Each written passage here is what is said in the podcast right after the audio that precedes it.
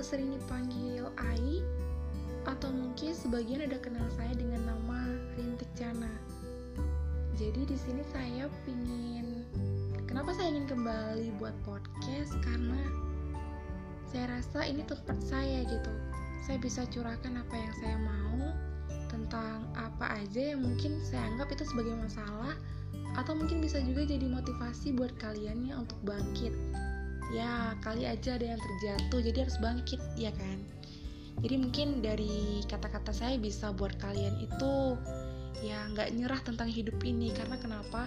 Kita itu harus selalu berjuang kita tuh harus selalu bangkit untuk ke depannya. Jangan mau terjatuh di lubang masa lalu.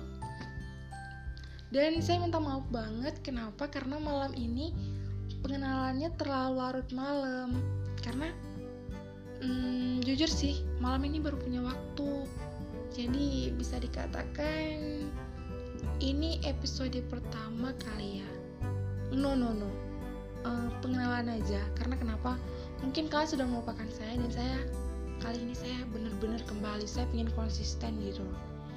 Jadi ya semua kalian semua bisa suka dengan karya-karya yang di sini podcast saya di sini cerita saya di sini yang mungkin ada segi lucu, ada serius, dan ada sedihnya.